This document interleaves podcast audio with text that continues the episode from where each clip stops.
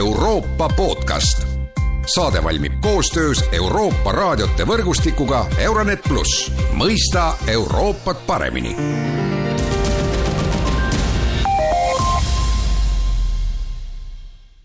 tere taas kuulama Euroopa podcasti.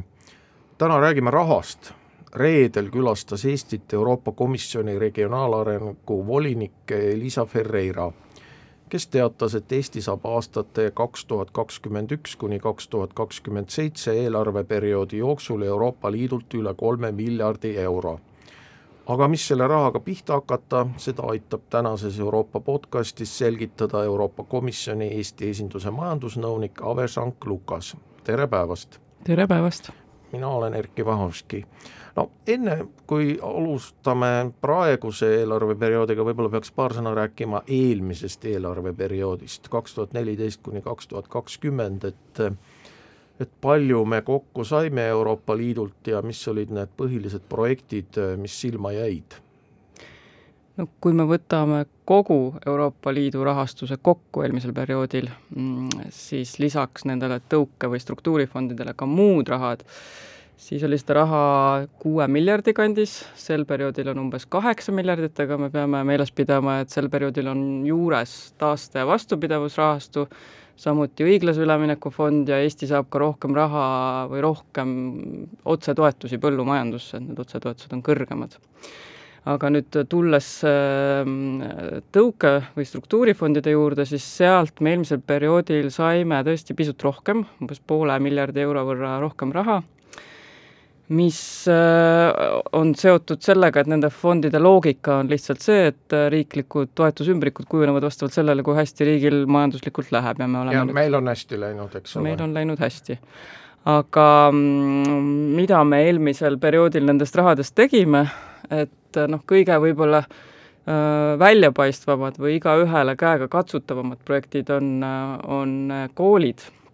riigigümnaasiumid ja muud haridusasutused, mis enamasti on siis kaheksakümmend viis protsenti rahastatud Euroopa Liidu rahadest. Aga tegelikult kõige suuremad üksikprojektid eelmise perioodi jooksul olid raudteede elektrifitseerimine, samuti Tallinn-Tartu raudtee otsemaks või sirgemaks tõmbamine. Ja ligi sada miljonit eurot tegelikult läks tööturuteenustesse. Et see on ka asi, mida võib-olla nii lihtne näha ei ole, aga need on siis erinevad äh, toetused, tugivõrgustik, teenused nendele inimestele, kes, kellel on tööturul kuidagi raskem hakkama saada, et tagada siis see, et nad oleksid tagasi tööturul ja, ja saaksid seal äh, paremini integreeruda samuti oluline valdkond, mida me tihti võib-olla ei märka, on, on laenud ja käendused ettevõtetele, et neid rahastati ka üle viiekümne miljoni euro ulatuses Euroopa Liidu struktuurifondidest ja samuti Covid vaktsiinid, et nende toetussumma Eestil oli umbes sama, üle viiskümmend, üle viiekümne miljoni. Räägime need numbrid nüüd selgeks, et äh, sina rääkisid kaheksast miljardist eurost ja mina rääkisin üle kolme miljardi eurost, et äh, kust see vahe tuleb, kas see üle kolme miljardi euro ehk kolm koma kolmkümmend seitse miljardit eurot on siis ainult tõukefondid ja muu raha tuleb sinna juurde, siis, siis niimoodi saab kaheksateist? täpselt nii, et need kolm koma neli miljardit, mm, mida siis sümboolselt, mille perioodi või ütleme siis tegevusprogrammi avas siin eelmisel reedel regionaalarengu volinik,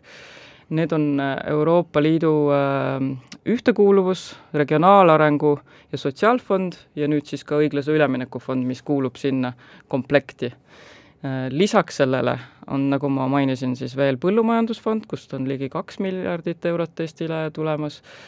taaste- ja vastupidavusrahastu ligi ühe miljardiga ja lisaks siis veel fondid, kust ei ole riiklikke ümbrikega, kust Eestil on lootus siiski päris suured toetused saada, Euroopa ühendamise rahastu, sealt siis peamiselt rahastame Rail Balticut ja piiriüleseid äh, energiaühendusi äh, ja samuti teadusprogramm Horisont ja õpilasvahetusprogramm Erasmus, et need on sellised otsetaotlemisega. ja lisaks veel mõnesid äh, väiksemaid fonde aga paari sõnaga peaks lahti rääkima ka selle Eesti profiili muutumise, et et sa juba mainisid seda, et Eesti on saanud äh, rikkamaks ja noh, tegelikkuses tähendab see siis äh, nende fondide reeglite muutumist Eestile, et Eesti see keskmine skp on jõudnud Euroopa Liidu keskmisele lähemale ja seetõttu, eks ole, meie omafinantseering suureneb ja vastavalt siis see summa, mis Euroopa Liidust tuleb, et see väheneb Äh, nii on jah, nagu ma juba mainisin, nende fondide mõte on see, et vähendada arengulõhesid Euroopa Liidu liikmesriikide vahel, et riikide rikkused ja arengutase on erinevad, samuti riigisiseselt on arengutase erinev. ja need fondid ongi mõeldud selleks, et, et nii majanduslikus mõttes äh, riike üksteisele lähemale tuua, kui ka inimeste heaolu mõttes, et, et seal sellepärast ongi mitu erinevat poolt, et on see nii-öelda Äh, regionaalarengust, rahandatast, rahastatakse koole, teid ja nii edasi, siis on see sotsiaalsem pool, kust on siis äh, haridus, tervis ja, ja sotsiaalvaldkonna äh, väljakutsed aga tõepoolest, et riigid on jagatud kolme gruppi, et on madalama arengutasemega, siis üleminekuriigid ja kolmandaks siis arenenud riigid ja Euroopa Liiduga liitudes Eesti oli kuni tegelikult eelmise perioodini selles alumises grupis aga viimase kümne aastaga on Eesti skp tõusnud alla seitsmekümnelt protsendilt Euroopa Liidu keskmisest kuni peaaegu üheksakümneni nüüd. seega nüüd me oleme siis selles keskmises grupis ja tõepoolest kaasfinantseerimise määr Euroopa Liidu toetustel on läinud allapoole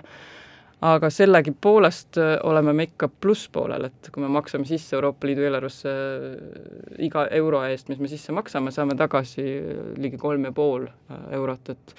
et kasvud on, on puhtalt meie poolel. No räägimegi nüüd äh, alanud eelarveperioodist kaks tuhat kakskümmend üks kuni kaks tuhat kakskümmend seitse, et äh, kokku me saame siis kaheksa miljardit eurot, tõukefondidele läheb kolm koma kolmkümmend seitse miljardit eurot. Ja mis on siis need suuremad objektid ja, ja mis on eesmärgid, no ühe kindlasti tõi välja juba Ferreira, ehk, ehk see on siis rohepööre, mida Euroopa Liit väga tugevasti ajab, missugust poliitikat ajab ja, ja ta peab ennast ka maailmas selle rohepoliitika eeskõnelejaks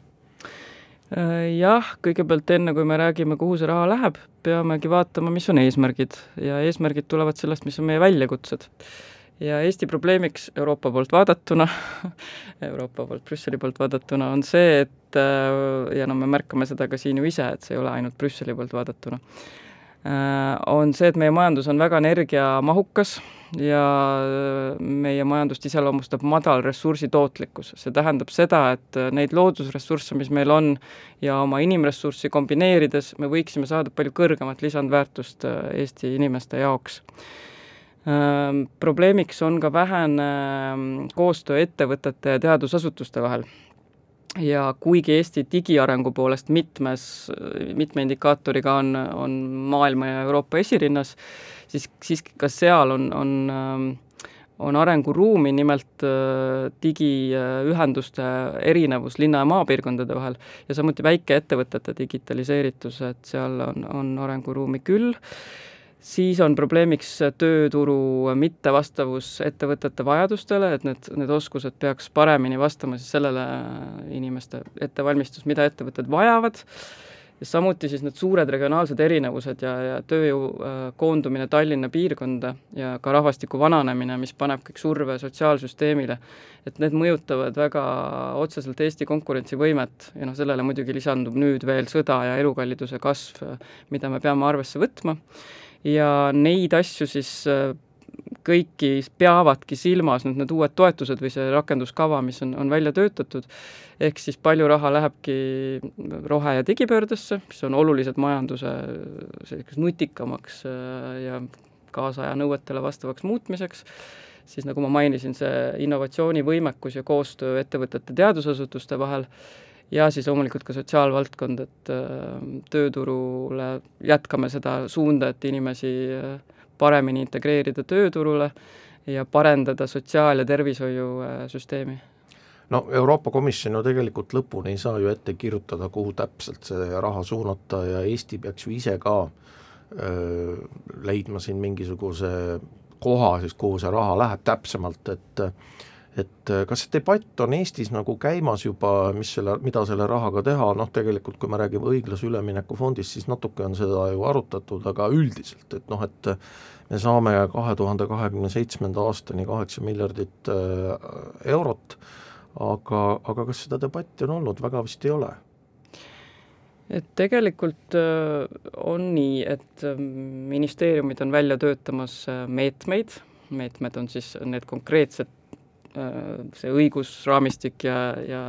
nõuded ja tingimused, kuidas seda raha hakatakse maksma, osad asjad on ka juba käiku läinud, no näiteks õiglase ülemineku fondi alt suurettevõtete toetamise meede, kust on ka juba esimesed äh, rahastusotsused, NPM Silmet sai kaheksateist miljonit selleks, et magnetitehas rajada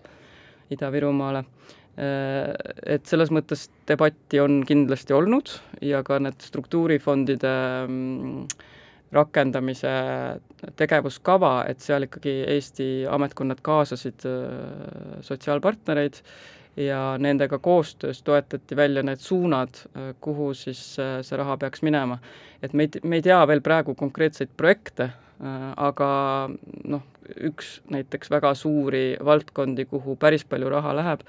on, on ka sellel perioodil äh, raudteede ja Rail Baltic läheb edasi lihtsalt, eks ole, eelmisest eelarveperioodist? ja raudteede elektrifitseerimine struktuurifondidest, Rail Baltic siis Euroopa ühendamise rahastus, samuti nüüd juba siis peaks sellel perioodil ka struktuurifondidest tulema Rail Balticu kohalikud peatused, linnalise piirkonna säästev transport äh, ja nii edasi no tegelikult seda Ferreira esinemist oli hea vaadata ja loomulikult on kõigil selle raha üle hea meel või enamikul on,